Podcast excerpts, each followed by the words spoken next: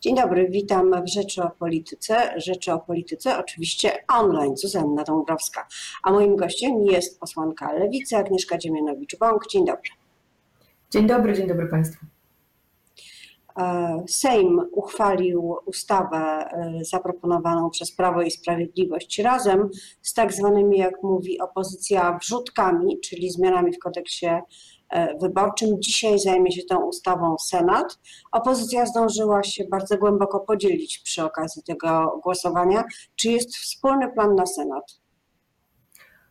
Lewica trzyma się swojego stanowiska, tak jak konstruktywnie, merytorycznie zgłaszaliśmy liczne poprawki do tej ustawy, kiedy ona jeszcze była na poziomie e, Sejmu, złożyliśmy ponad 200, 200 mm, poprawek, tak te same poprawki, większość z nich przekazaliśmy do Senatu i nasza reprezentacja w Senacie będzie zabiegała o te mm, zmiany. Oczywiście pierwszą, pierwszą rzeczą jasną chyba dla wszystkich jest to, że musi zniknąć zapis o kodeksie wyborczym, ta wrzutka ze środku, dokonana w środku e, nocy, która jest no, sprzeczna z orzeczeniami Trybunału Konstytucyjnego, zmienia zasady gry w trakcie, e, w trakcie kampanii, ale przede wszystkim nie rozwiązuje problemu tak, czy wyzwań związanych z wyborami 10 maja, gdyby one miały się wtedy odbyć. E, ale oprócz tego Lewica i PSL zagłosowały przeciwko tej, tej ustawie nie tylko dlatego, że znajdowała się tam ta wrzutka.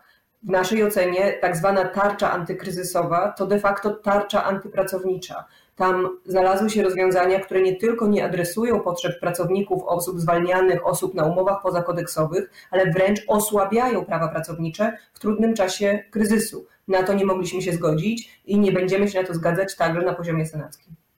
E, zaraz przejdziemy jeszcze do tych tematów e, pracowniczych, ale chciałam zapytać, e, co zrobić z tą ustawą, która być może nawet poprawiona, być może nawet bez tych wrzutek wyborczych, wróci do Sejmu, gdzie PiS ma większość. W mediach społecznościowych pojawił się scenariusz, który mówi, że tę ustawę schowa się do zamrażarki, a zostanie uchwalona całkiem nowa ustawa, przedłożenie senackie, która będzie podobna e, do tej, która, e, którą zgłosił PiS, ale właśnie bez tych elementów najbardziej kontrowersyjnych.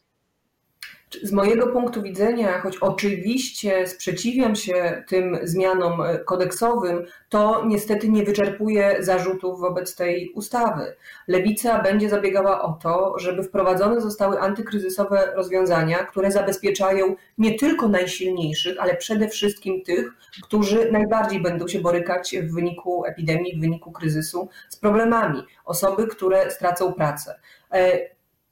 Przedsiębiorcy wskazują, że nawet 70% z nich zamierza wykonywać zwolnienia. To znaczy, że za falą epidemii nadejdzie fala zwolnień, nadejdzie fala bezrobocia. Rząd nie ma na to pomysłu, nie zgodzi się na podniesienie zasiłku dla osób bezrobotnych. W tej chwili te osoby, które mierzą się z ryzykiem utraty pracy, mierzą się z tym, że będą musiały przeżyć za 750 złotych.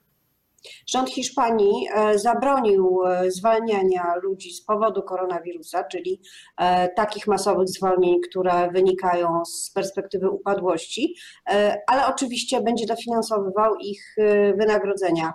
Czy w Polsce taki manewr byłby możliwy? Nas stać na tego typu, no można powiedzieć, wielkokryzysową politykę?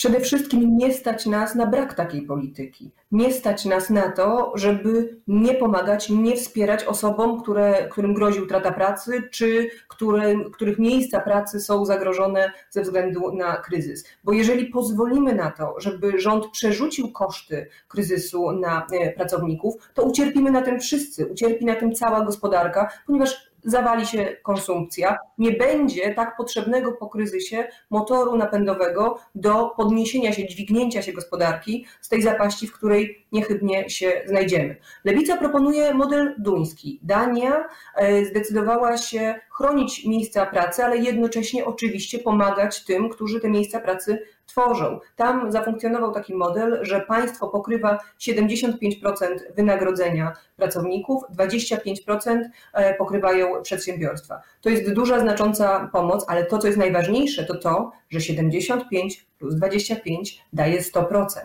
To, co proponuje polski rząd, to rozwiązania, które będą wymuszały obcinanie wynagrodzeń do poziomu 80%, a nawet w niektórych przypadkach o połowę. Nie możemy się na to zgodzić, nie możemy zgodzić się na psucie kodeksu pracy, ale przede wszystkim nie możemy się godzić na to, żeby ludzie, dzięki którym ja, pani redaktor, każdego dnia czy co kilka dni możemy kupić chleb w, w piekarni, czy zrobić zakupy, czy wysłać list, żeby te osoby e, no, ryzykowały, żeby, żeby ich byt taki materialny był zagrożony. To jest bardzo nie w porządku. Każdego dnia w zasadzie ktoś z rządu mówi, ja bardzo dziękuję ludziom pracy, jak dziękuję pracownikom, dziękuję pielęgniarkom. No jeżeli tak, to musimy zadbać o ich bezpieczeństwo i godne wynagrodzenia. No dobrze, ale jeżeli y, y, rząd zdecydowałby się jednak na przyjęcie któregoś wariantu stanu nadzwyczajnego, to wtedy wszystkie ustawy, takie jak kodeks pracy, e, będą mogły być zawieszone i e, nie będzie żadnych regulacji. Tego się domaga opozycja, e, po to, żeby wybory mogły się nie odbyć. Strasznie to jest po pierwsze zagmatwane, a po drugie trudno tu o konsekwencje, co zresztą widać gołym okiem różnica, różnica między stanami nadzwyczajnymi a tym, co, z czym mamy do, do, do, czynienia teraz, jest taka, że stany nadzwyczajne, czy to stan klęski żywiołowej, ku któremu ja raczej bym się skłaniała, czy to stan e, wyjątkowy, są stanami tymczasowymi. Tymczasem w tej chwili ustawy, które przyjmuje e, rząd, Prawo i Sprawiedliwość, ale ręka w rękę z Koalicją Obywatelską, to są ustawy, które mogą zostać z nami na bardzo długo. Zresztą nie byłoby to niczym nowym. Kryzysy mają to do siebie, że elity polityczne, władza wykorzystuje je bardzo chętnie do tego, żeby docisnąć, dokręcić śrubę właśnie ludziom pracy, pracownikom, drobnym, lokalnym przedsiębiorcom. Tak było po kryzysie w 2008 roku, kiedy to umowy, tak zwane umowy śmieciowe, umowy cywilnoprawne, miały być tylko na chwilkę, miały być tylko pewnym panaceum na, e, no właśnie na kryzys zostały z nami do dziś i dziś tak naprawdę te osoby, które są zatrudniane w oparciu o takie umowy śmieciowe, najbardziej i pierwsze odczuwają skutki tego kryzysu. Tak samo jest, to jest kolejny przykład, kolejnym przykładem mogą być specjalne strefy ekonomiczne. One także powstawały po to, żeby rozruszać, żeby rozruszać rynek pracy, żeby przeciwdziałać bezrobociu, miało być na chwilę, na moment zostały z nami również na lata, te minione lata wysokiej koniunktury. Nie możemy dopuścić do tego, żeby pod pretekstem kryzysu popsuć zabezpieczenia socjalne, zabezpieczenia pracownicze. I dlatego lewica stawia warunek: albo zabezpieczymy wynagrodzenia, albo zabezpieczymy czas pracy, albo zadbamy o osoby, które pracę tracą, albo, no niestety, ani rząd, ani koalicja obywatelska nie mogą liczyć na to, że lewica poprze taką ustawę. Powiedziała Pani, że Platforma głosuje razem z PiSem w sprawach e, tarczy antykryzysowej. Rzeczywiście Platforma e, poparła te rozwiązania, tłumacząc to, że nie bardzo było inne wyjście, że chciała jak najszybciej jednak by została przyjęta e, tarcza taka, jaka jest, nawet jeśli jest bardzo niedoskonała. A co to znaczy w planie politycznym? Czy opozycja, która ma większość w Senacie, jest w stanie głosować razem? Wciąż. Rozmowy, ro, rozmowy trwają. Lewica, zarówno senatorowie lewicowi, jak i lewicowy kandydat na prezydenta Robert Biedroń i cały klub lewicy deklaruje otwartość na rozmowy. My wielokrotnie powtarzaliśmy, że jesteśmy opozycją konstruktywną, merytoryczną i jesteśmy taką. Spędziliśmy wiele godzin jeszcze przed e, obradami Sejmu na konsultacjach tych ustaw ze stroną rządową i z przedstawicielami wszystkich, wszystkich innych klubów. Nie ma powodu, żeby teraz było inaczej. Będziemy rozmawiać, chcemy rozmawiać merytorycznie, chcemy rozmawiać o tych poprawkach, które były zgłaszane. Liczymy na to, że część z nich uda się, dla części z nich uda się uzyskać e, poparcie. Mamy swoje warunki, poniżej których nie zejdziemy, dlatego że mamy też taką świadomość, że w tej chwili lewica jest jedyną siłą, która ma odwagę upomnieć się o pracowników, o osoby na umowach śmieciowych i osoby bezrobotne. Te osoby Zwróćmy uwagę na jeszcze jedną rzecz. Premier Morawiecki chce majstrować przy kodeksie wyborczym, zmieniać, zmieniać warunki e, pracy w, w sytuacji, w której żaden związek zawodowy, żadna grupa pracownicza nie może tak naprawdę protestować. Mamy kwarantannę, mamy ograniczenia w przemieszczaniu się. Ciężko jest sobie wyobrazić strajk, protest, demonstracje, manifestacje. To bardzo sprytne podejście. Chyba, że dwuosobową, ale to nie byłaby duża, e, duża demonstracja. E, mhm. Jeszcze z tej, z tej politycznej półki mam e, pytanie o wybory. Czym to się skończy? Czy rzeczywiście jest tak, jak mówią niektórzy, że władza chce doczekać do świąt Wielkiej Nocy, zobaczyć, jak, jak, jaki będzie poziom zachorowalności, i potem ewentualnie, jeśli będzie on wciąż bardzo wysoki, zdecydować, że jednak wybory będą przesunięte? I tutaj nowy element, być może nawet o rok. Wszyscy eksperci są zgodni, że oczywiście chcemy, żeby jak najszybciej nastąpił spadek tych zachorowań, no ale 10 maja jest bardzo niedługo.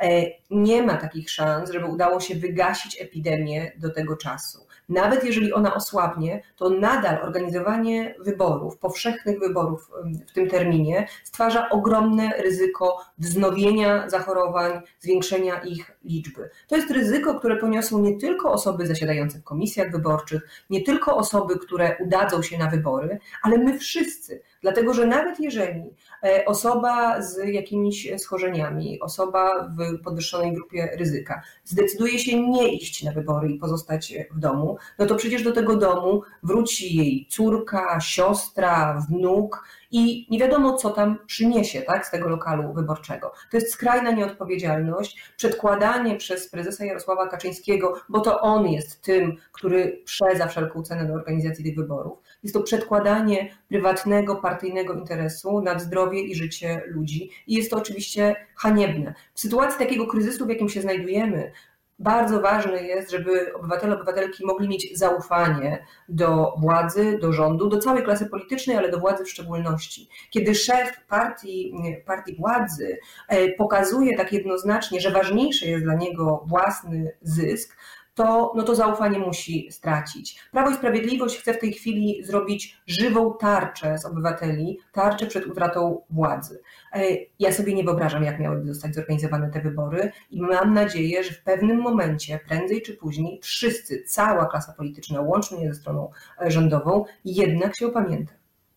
A czym powinna zajmować się klasa polityczna w tym czasie, kiedy nie będzie sesji parlamentu, nawet tej zdalnej? Komisje przecież de facto nie działają, nie ma spotkań z wyborcami w terenie, nie ma dyżurów poselskich. Co pani robi na co dzień jako posłanka? Ja zdecydowałam się na samym początku epidemii przekształcić moje biuro poselskie, które oczywiście nie może funkcjonować nie, fizycznie, nie jest, lokal, e, nie jest lokal otwarty, w zdalne centrum e, poselskiej pomocy pracowniczej. To jest e, zespół, zespół prawników, mój, zespół moich współpracowników i ja.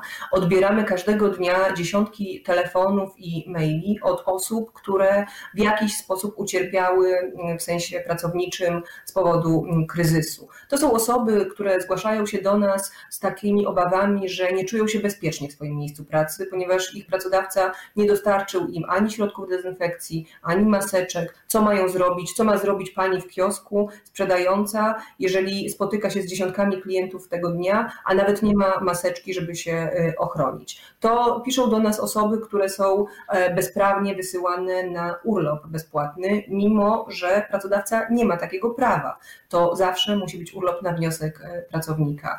E, piszą do nas osoby na umowach cywilnoprawnych, które z dnia na dzień straciły e, źródło dochodu, pomimo, że ta umowa cywilnoprawna no nie powinna taka być. Tak? One powinny były być zatrudnione w oparciu o kodeks pracy, bo wykonywały, wykonywały pracę pod nadzorem każdego dnia. No tak, ale teraz nawet sąd pracy nie zadziała w taki sposób, żeby stwierdzić, stosunek pracy y, po iluś miesiącach e, takiej umowy y, śmieciowej. Co wy możecie zrobić?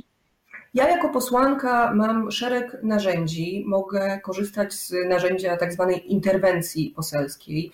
Dzwonię lub piszę wtedy do takiego przedsiębiorcy czy pracodawcy i zwracam mu uwagę, że no, łamie, narusza albo nagina prawa pracownicze. Zwracam uwagę na konieczność zapewnienia bezpieczeństwa to przynosi skutki. Otrzymuję odpowiedzi od tych przedsiębiorców. Na przykład niedawno otrzymałam odpowiedź od dużej firmy y, odzieżowej, której pracownicy byli pomimo zamknięcia galerii handlowych zmuszani do tego, żeby się w tych galeriach e, pojawiać, żeby w tych sklepach być. Nie mogli oczywiście sprzedawać, ale wykonywali jakieś inne obowiązki bez żadnych, e, bez żadnych zabezpieczeń. Dzięki takiej interwencji udało mi się uzyskać deklarację, że wszystkie sklepy tej sieci odzieżowej zostaną zamknięte i pracownicy nie będą musieli tam przychodzić. Udzielamy także porad prawnych. Czasami dzwonią do nas osoby z taką informacją, że za trzy godziny mają spotkanie, nie wiedzą o czym, ze swoim przełożonym, jakie mają prawa, tak? Bo nie wszyscy znamy tak na pamięć wszystkie swoje e, prawa pracownicze. Więc staramy się wyposażyć w niezbędną wiedzę i informacje wszystkie te osoby, które mogą się czuć na rynku pracy e, zagrożone. Tak właśnie, to też jest takie działanie, powiedziałabym, paralelne wobec tych działań ustawowych. Z jednej strony chcemy jako lewica w sposób systemowy zabezpieczać byt pracowników. Z drugiej strony, tam, gdzie on jest zagrożony, tam, gdzie z poziomu takiego indywidualnego dzieje się coś niedobrego, czyjeś prawa są łamane, ja jako posłanka lewicy reaguję i interweniuję. No i zdaje się, że niestety wszystko jeszcze w tej y, materii konieczności interwencji przed nami, a ja bardzo dziękuję za rozmowę. Moim gościem była posłanka Lewicy Agnieszka Dziemianowicz-Bąk. Dziękuję uprzejmie.